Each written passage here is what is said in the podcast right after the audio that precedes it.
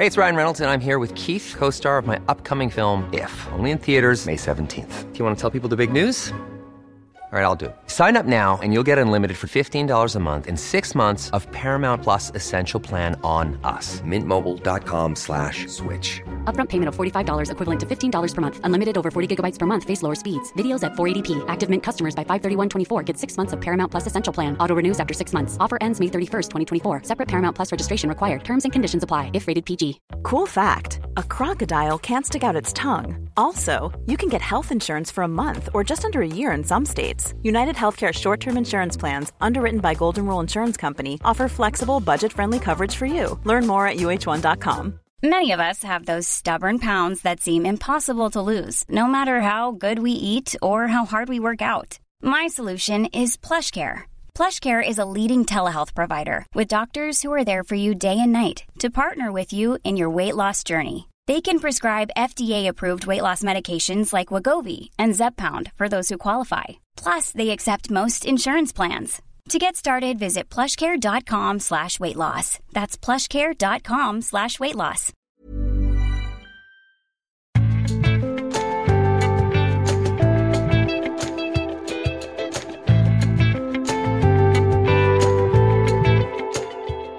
Vennskap mellom menn, er det et eh, teologisk spørsmål?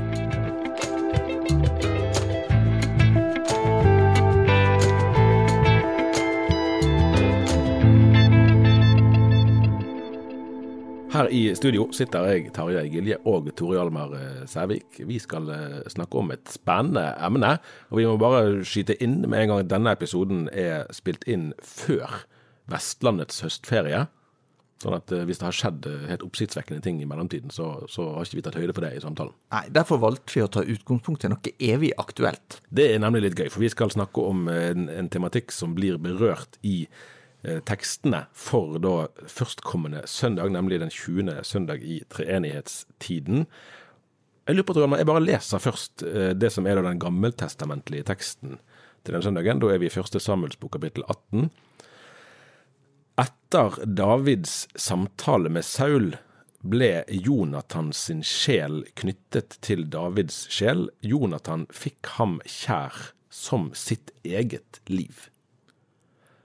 Skal vi si litt om bakteppet for uh, teksten Saul og David og Ja, Saul er jo den første kongen i Israel, uh, og ble utvalgt av Gud til den gjerninga. Det var jo egentlig ikke tanken at Israel skulle ha konger, men uh, folket krevde, krevde, det, og så blir jo da profeten Samuel sendt for å innsette Saul. Mm.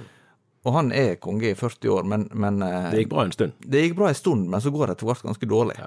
Og han har jo tydeligvis streva med sitt indre liv. Det står vel at ei ond ånd fra Herren kom mm. og plaga hva, hva, det skal bety, altså det er jo et svært spørsmål mm. som vi ikke skal løse her i dag, da.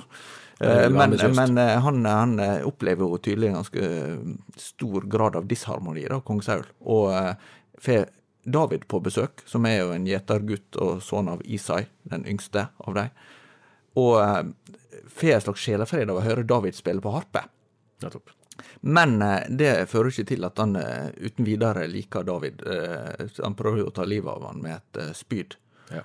Og så oppfatter han jo etter hvert David som en konkurrent. Og han var jo i en forstand det. Ja. Altså, ikke en ja, jo. i og for seg, men han skulle jo faktisk Det var jo sånn at uh, Gud hadde vraka Saul, ja. det leser vi seinere, ja. og dermed at uh, David skulle bli konge, sjøl om han ikke var arving.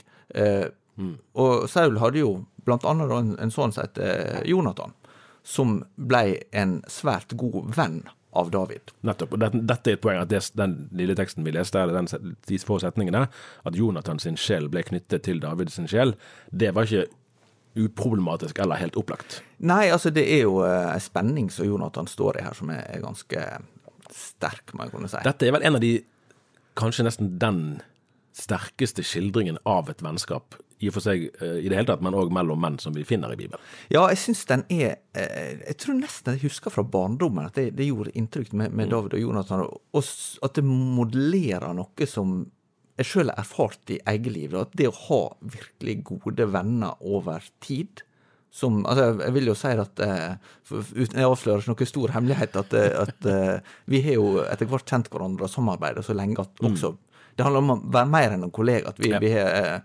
samtalt veldig mye også, uten at det blir tatt opp av kringkastet som podkast. Heldigvis. Og det, og det er jo bare ett eksempel på, på noe som jeg, jeg, tror er en slags resonans. Da sier den, den historien med David og Jonathan eh, er fin å lese, fordi at det, det er eh, rett og slett en slags eh, bekreftelse eller en gjengklank, på at det betydninga av å ha mannlige venner. Og, og, det handler ikke om liksom som et slags eh, Fordi at en har eh, ikke et godt ekteskap eller ikke et godt forhold til foreldre eller søsknene sine, og sånn, men det handler rett og slett om at det er en dimensjon med det å, å pleie nær kontakt med noen som en er litt på samme plass i livet som, og som en ikke eh, lever kanskje tett på på den måten at, at en er del av hverandre sin konkrete hverdag, men en kjenner likevel hverandre igjen i de spørsmål og utfordringene som melder seg. Og det tenker jeg jo også er et ganske viktig anliggende når eh, en snakker om det fra et kristent perspektiv. For jeg tror at den kristne tro handler veldig mye om fellesskap.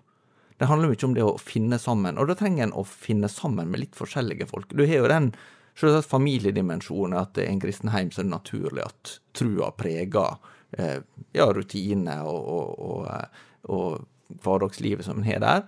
Og så har en det, kristne fellesskapet i denne bibelgruppa for en del, og selvsagt menighetsfellesskapet for de fleste. Men jeg tror også at det er noe med seg én-til-én-relasjonene, da, som har noe ekstra viktig ved seg. Mm. Ja. Jeg må si at, at det, der, eh, det, der, er noe som jeg setter mer og mer pris på med årene. Nemlig de, de relasjonene som man gjerne har hatt lenge, der man kan si én setning og så forstår den eller de man snakker med i andre enden at å ja, det der du sier der spiller jo på ting som du opplevde i tenårene kanskje, som formet seg. Og dermed eh, har man liksom en helt annen plattform å stå på enn hvis man begynner på, på nytt da, i, en, i, en, relasjon. Eh, og kanskje, jeg lurer på om det er liksom nesten sånn Dette er vel aktuelt gjennom hele livet, men f.eks. i den fasen vi er i nå, da. Eh, skal vi si tidlig, tidlig middelaldrende. ja, at man har, man har, eh, det begynner å bli en del år siden ungdomstiden, og man kan man går der og lurer på. Sånn, våre barn er blitt ungdommer, mer eller mindre dine barn mer enn mine. Eh, og hva er det vi faktisk gir videre til de? Hva er det som er vakkert og verdifullt og verdt å ta vare på? Og hva er det som vi egentlig sier at nei, det der vokste nok vi opp med, men det enten klarer vi ikke, eller så vil vi ikke videreføre det. Og da er jo det å ha noen venner å speile seg i, da, eller å i hvert fall reflektere sammen med, eh, av ting som kan ha virkelig stor, eh, stor praktisk betydning. Kan, kanskje kan det være det som er forskjellen på om man eh, velger seg ut av en sammenheng, eller, eller, forsvinner ut mer eller mindre bevisst, kontra om man eh, blir værende, da. Og, ja, der er noen kamper her å kjempe, eller det er noen ting som ikke går opp, men, men her hører jeg til, for eksempel. En som har skrevet om vennskap ganske tidlig, det er jo eh, den romerske politikeren og taleren Marcus eh, Tullius Cicero. Eller Kikar. Han, han kan nok du mer om enn jeg kan. Ja, jeg, jeg, jeg, har ikke lest dette her i, i, sammenheng, men han er jo en figur som opererte omtrent på Julius Cæsars tid, da, eh, rundt eh, 50 år før Kristus. Og han eh, skrev eh, en tekst om vennskap, der det blant annet står det finnes få oppriktige venner, men så er heller ikke etterspørselen så stor. og, og en av uh, sidene ved et vennskap det er jo kanskje rett og slett ikke å kunne få direkte tilbakemeldinger om ting. Ja, det er sant. Det er sant. Uh, jeg kom også til å tenke på Kolbein Falkeid sitt dikt, korte dikt 'Det er langt mellom venner'. Mellom venner står det mange bekjentskaper og mye snakk. Venner er som lysende stuer i fjellmørket. Du kan ikke ta feil av dem. Den der kunne du utenat. Ja, jeg tror den er omtrent sånn. Skal ikke garantere at det var helt ordrett. Men det sier noe om dette med at vennskapet det forutsetter slags både en tillit og et fellesskap som ikke er sjølsagt. Mm. Og, og, jeg har lurt litt på dette er jo sånn svogerforskning, som du gjerne kaller det. Men, men, jeg, men, jeg tror ikke det er så veldig omstridt at kvinner er flinkere til å ta vare på relasjoner enn menn er. Ja. Nei, det tror jeg er en, er rimelig grei eh, Du, du trenger ja. ikke en lang kildeliste for å vinne gehør. Nei, jeg, jeg, tror de fleste vil kjenne seg igjen i en sånn påstand. Og så kan vi kanskje si litt om hvorfor er det sånn.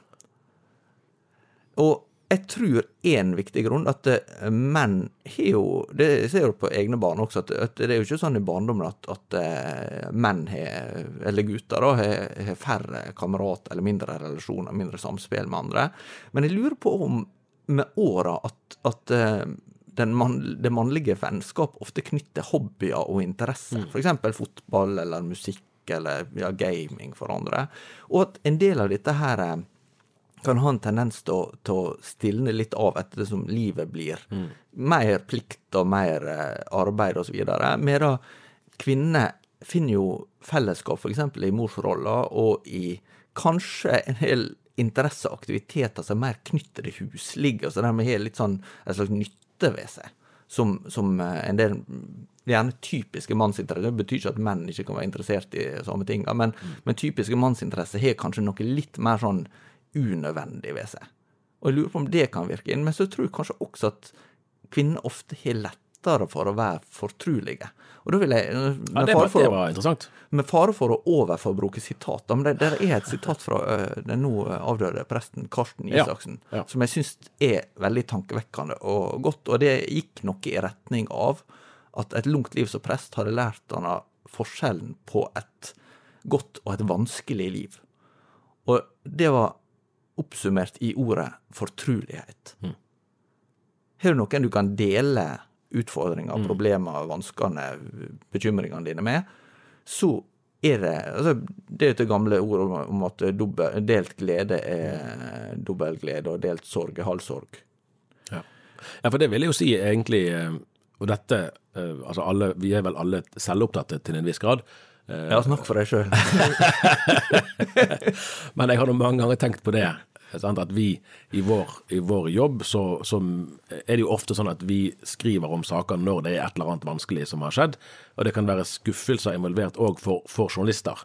At man kanskje intervjuer folk som man i utgangspunktet hadde stor respekt for eller høy tillit til, og så viser det seg at oi, ting var annerledes enn man trodde. Og da er jo det å ha noen fortrolige på jobben som man kan faktisk bearbeide sammen med, kan ha veldig stor personlig betydning. Og så, så var ikke det noe forsøk på å skyve skyld verken her eller der. Og, og denne erfaringen er jo på ingen måte enestående for Eh, for vår yrkesgruppe. Men det å ha noen, nettopp noen fortrolige som òg kan si at ja, men det var nok litt fortjent at de ble sure på deg, eller skuffet fordi at du sånn og sånn og sånn. Eh, og den sånne tilbakemeldinger er jo veldig mye lettere å ta imot fra noen som man i utgangspunktet vet at vil en vel. Så kan det være at det, man har kanskje mest å lære av den kritikken man blir mest irritert på. Så man kan ikke liksom, liksom stenge seg ute fra den type læring òg, men det er mye lettere å ta imot eh, velmente råd fra noen som man har en eller annen form for fortrolighet med. Da. Ja, og som en har tillit til forstår hva du, hva du holder på med. For, for at det, no, noe av utfordringen kan jo være at hvis det, det er jo ikke minst knyttet til å være foreldre, da, men også profesjonelt. Det, det, er veldig lett hvis du sitter på et fly og hører noen se en unge som griner, og så tenker du hadde aldri jeg gjort hvis jeg hadde unger, la hadde sittet og grine sånn på flyet. Ja, prøv å ta fly med en toåring sjøl. Altså, jeg husker vi reiste til, til Spania da hun ja, Ei av døtrene mine var, var eh, to år. Eh, og omtrent over Belgia så sa hun 'ferdig reiseflyet nå'. Lykke til. Men, men, du har ikke noe valg, sant? Du må, du må sitte der. Sånn er det. I, i, vi leste fra Første Samuels bok i sted. I det som er evangelieteksten for den søndagen, så er det Jesus eh, som er altså på vei på besøk til, til Lasarus. Og det er jo interessant òg, for Lasarus og hans to søstre Eh, Marte og Maria, der òg finner vi jo egentlig eh, skildret det vi må kunne kalle for et vennskap. For det kan man jo hadde Jesus venner, han var jo snill med alle, kan vi tenke. sant? Ja. Eh, men, men han òg ser ut til altså Han hadde disiplene, som var medarbeidere og altså, Han sa jo òg dere kaller jeg venner, så det var jo ikke, det var ikke bare et profesjonelt ansettelsesforhold. Men her er det likevel noen som, som på en spesiell måte står frem som Jesu venner. Ja, også, bare for å nevne det før jeg kommenterer litt eh, videre på akkurat den relasjonen, så, så er det jo også tre tilfeller vel der han tar med seg tre av disiplene. Ja, på riktig. Altså, i, eh, men det kan du si i en slags ledergruppe eller et eller annet. Ja, altså, ja. Men, men, men det, er jo, det, er jo, ganske interessant at ja, det er tre det, som det, kan ha sett ut til å være litt, mm. litt nærmere. da. Mm. Eh, for, for, jeg tror at det er umulig for alle mennesker å være like tett på alle. Ja, altså, ja det sier seg selv. Det var han sjelesørger Gunnar Elstad, som dessverre også døde eh, for tidlig, som, eh, som sa at den som vil være alt for alle, blir ikke noe for noen. Mm. Mm. Men når det gjelder det med, med Lasarus og Martha og Maria, så er det egentlig interessant, fordi at de er jo nesten Ja, der er jo selvsagt eh, en veldig viktig hendelse knyttet oppvekkelsen av Lasarus som ble syk og, og, døde, men eh, ellers så ser jo ikke de ut til å ha vært eh, eh med de, de, blir jo ikke skrevet inn i historien ellers. Det, de er på en måte heimen deres er scener for kontakter med dem. da. Mm. Så det, det, er på en måte vennskapet, gjestfrihetsaspektet, som, som ligger der. At det, det, var en plass der Jesus var velkommen til å komme. Og vi ser jo at han var inne i andre heimer, men, men det, det er på en måte den heimen som, som står det en slags særstilling når det mm. gjelder det, ja, ja. Og, og, at det var en slags plass der en eh, Han kunne lade batterier, da. Ja. Her er vel noen Altså, Vi kan jo ikke vite f.eks. om hvis, hvis uh, i, i, de fleste andre tilfeller vil du tenke at dette var en, et sted der Jesus kunne senke skuldrene og være ærlig med sitt eget liv og i det tatt hvordan går det og det og det nå vet vi jo ikke helt hvordan de samtalene nødvendigvis eh, forløp, eh, men at det var et aspekt av, av det, kan jo, jeg tenker det er helt rimelig å, å, å anta. Eh, og da, Vi spurte jo innledningsvis om, om vennskap mellom menn er et teologisk spørsmål. Og det kan det jo òg være, naturligvis, selv om det gjerne ikke først og fremst er det.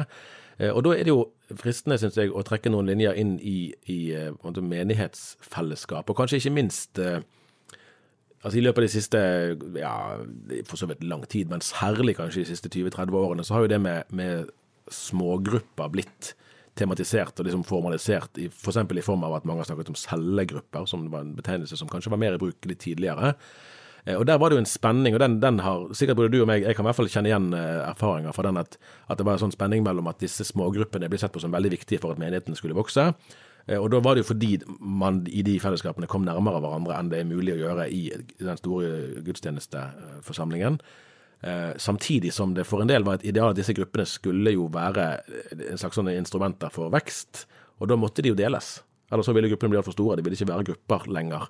Og der ligger det jo en latent eh, kontrast, eller i hvert fall spenning, opp mot nettopp den fortroligheten som handler om å utvikle relasjoner over tid. At den fortroligheten fikk på en måte aldri vokse seg frem, for da skulle jo gruppene deles. Men, men, jeg tenker kanskje at nettopp sånne dynamikker knytt til eh, Det er litt uavhengig om en har eh, et ideal om å dele sånne grupper, eller om en, om en ønsker å ha de mer stabile, eller ja, eh, litt uavhengig av hvordan det fungerer, så er det jo sånn at alle større fellesskap de vil jo ha en viss ustabilitet ved seg. Mm. Det gjelder jo ikke minst i en tid med mer mobilitet, så vil folk flytte mer, og det vil være ting som beveger seg. Men, men der har jo vennskapet det ved seg at det er ikke avhengig av ei ytre ramme. Når, når, det er en én-til-én-relasjon, mm. så er det mulig å vedlikeholde også på tvers av avstand, altså med, med enten telefon eller eh, Zoom, eller, eller at en møtes andre plasser. Og det, det merker jeg nok der jeg sier kjennetegner et virkelig godt vennskap, at det er eh, mulig å opprettholde også om det er perioder der det blir vanskelig å pleie det veldig aktivt. Så mm. er det en grunnleggende tillit og, og en glede i det å kjenne hverandre, som gjør at den, eh, det er mulig å ta opp igjen ganske sånn eh, eh Også etter langtidsinaktivitet. tids Og, og jeg har også fundert på om eh, når vi ser det som du nevnte tidligere, med, med, skuffelser og ting som går gale, som vi også ser i, i, i kristne sammenhenger, vi kan tenke på politisk sammenheng eller i arbeidslivet, mange plasser folk blir skuffa, så, så, funderer jeg på hadde en del av dette kunne vært unngått hvis en var flinkere til å pleie vennskap? Man kan jo f.eks. lure på um, altså for Det tror jeg alle som f.eks. er toppledere, og det, det, gjelder ikke bare i kirke, det kan jo gjelde i bedrifter òg, at der finnes en eh, på en måte lederskapets ensomhet.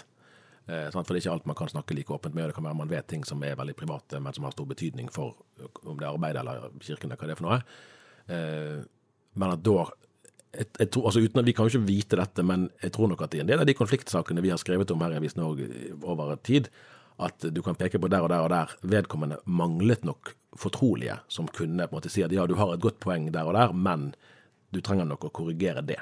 Hvis ikke du klarer å korrigere det, så, så, risikerer du å gå på en smell. Og så kom smellen, for det var ingen som var i posisjon til å korrigere det. Og da er jo den fortroligheten. Der, der er det et eksempel som jeg syns er interessant å, reflektere over.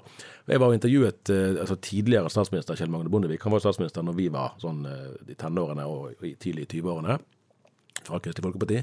Og jeg husker han fortalte når han var statsminister, at jeg lurer på om det var tirsdagene, eller så var det onsdagen, men det var en hverdagskveld, at da hadde han på en måte lagt inn i sin offisielle kalender at da er jeg på bibelgruppe. Det var på en måte, Noen ganger måtte han nok droppe det fordi det var plikter som kalte, men det, var, det skulle være en høy terskel for embetsverket eller politiske medarbeidere for å liksom overprøve det, for det var et fellesskap som han la stor vekt på. Og så fortalte han nå, når jeg var intervjuet han i 2022 eller 2021, det husker ikke jeg, men at han oppgir å ha vært med i den samme bibelgruppen, jeg lurer på om det var i 50 år. Og så har det sikkert vært en viss utskifting av på en måte, medlemsmassen, men grunnleggende sett den samme gruppen. Og tenk liksom de relasjonene. Du har fulgt hverandre gjennom alle mulige faser av livet. Noen, I dette tilfellet var jo måte, da du virkelig var på toppen av, av samfunnet. Andre perioder er ikke så uh, fremtredende. Men mennesket uh, er jo grunnleggende det samme.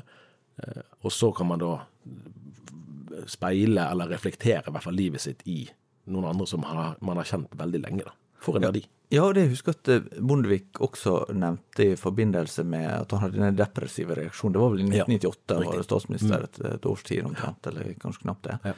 Og, og, da uh, fikk han bl.a. Dagfinn Høybråten innom, som senere ble mm. kjent som, uh, som helseminister mm. og, og, etter hvert partileder også i KrF.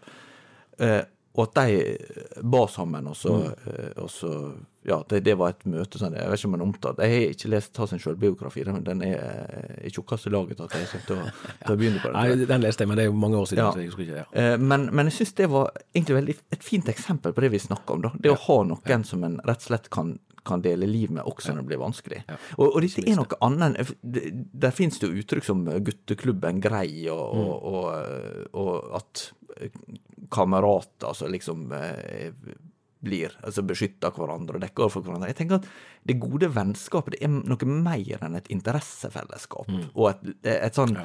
eh, fellesskap knytt til å fremme hverandre sin suksess, eller å, være en slags eh, nettverksbygger, eller eh, hva det skal være. Det, det, handler rett og slett om det helt personlige.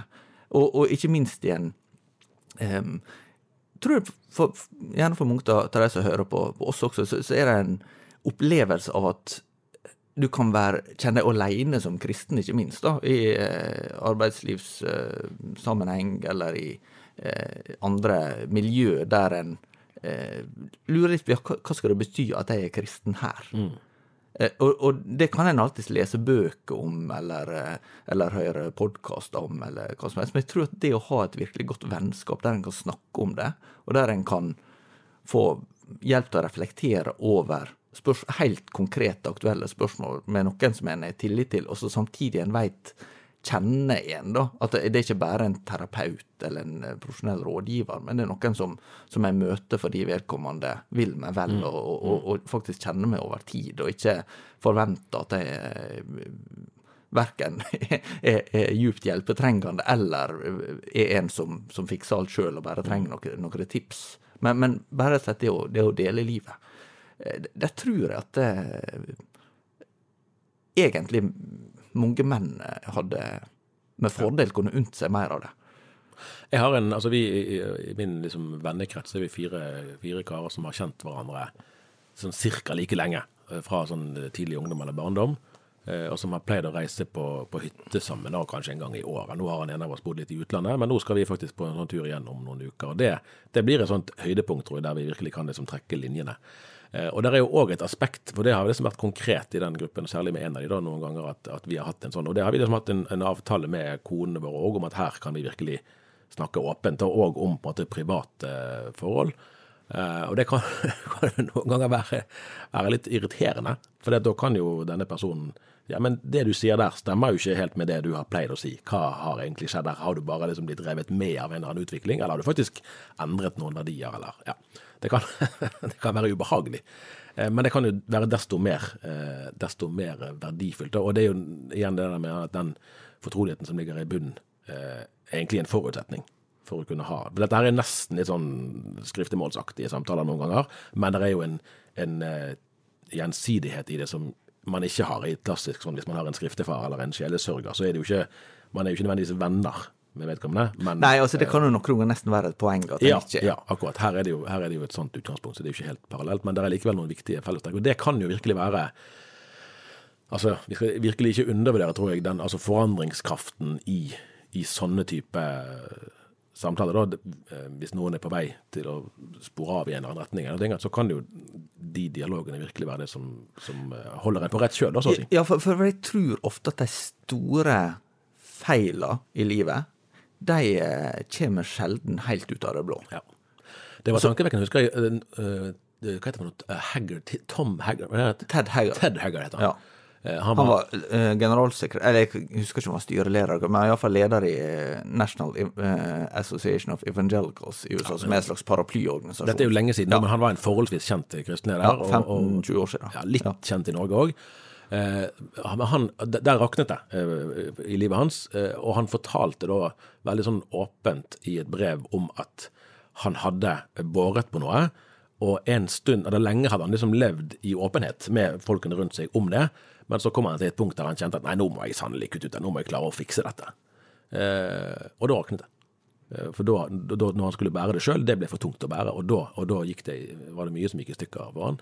Og det ble en sånn lærdom, da. Eh, at, og ikke minst kanskje for, for jeg har snakket med noen, og det er vel sånn, egentlig ganske sånn gammelt, det, og det var vel tidligere, tror jeg pastorer til og med ble rådet i en del sammenhenger til å ikke ikke ha for nære vennskap med folk i menigheten, for det kunne på en måte hindre muligheten til å være prest eller pastor.